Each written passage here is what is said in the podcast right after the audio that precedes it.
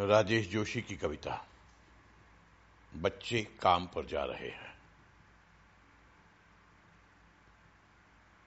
कोहरे से ढकी सड़क पर बच्चे काम पर जा रहे हैं।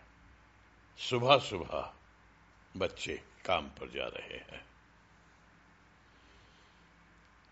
हमारे समय की सबसे भयानक पंक्ति है ये। और भयानक है इसे विवरण की तरह लिखा जाना।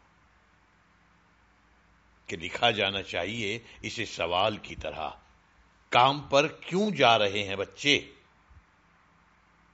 क्या एंटार्क्टिका में गिर गई हैं सारी गेंदें? क्या दीमकों ने खा लिया है सारी रंग बिरंगी किताबों को?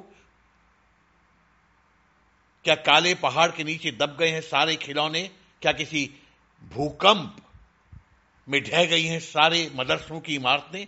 क्या सारे मैदान, सारे बगीचे और घरों के सारे आँगन खत्म हो गए हैं, एकाएक। तो फिर बचा ही क्या है इस दुनिया में? कितना भयानक होता अगर ऐसा होता।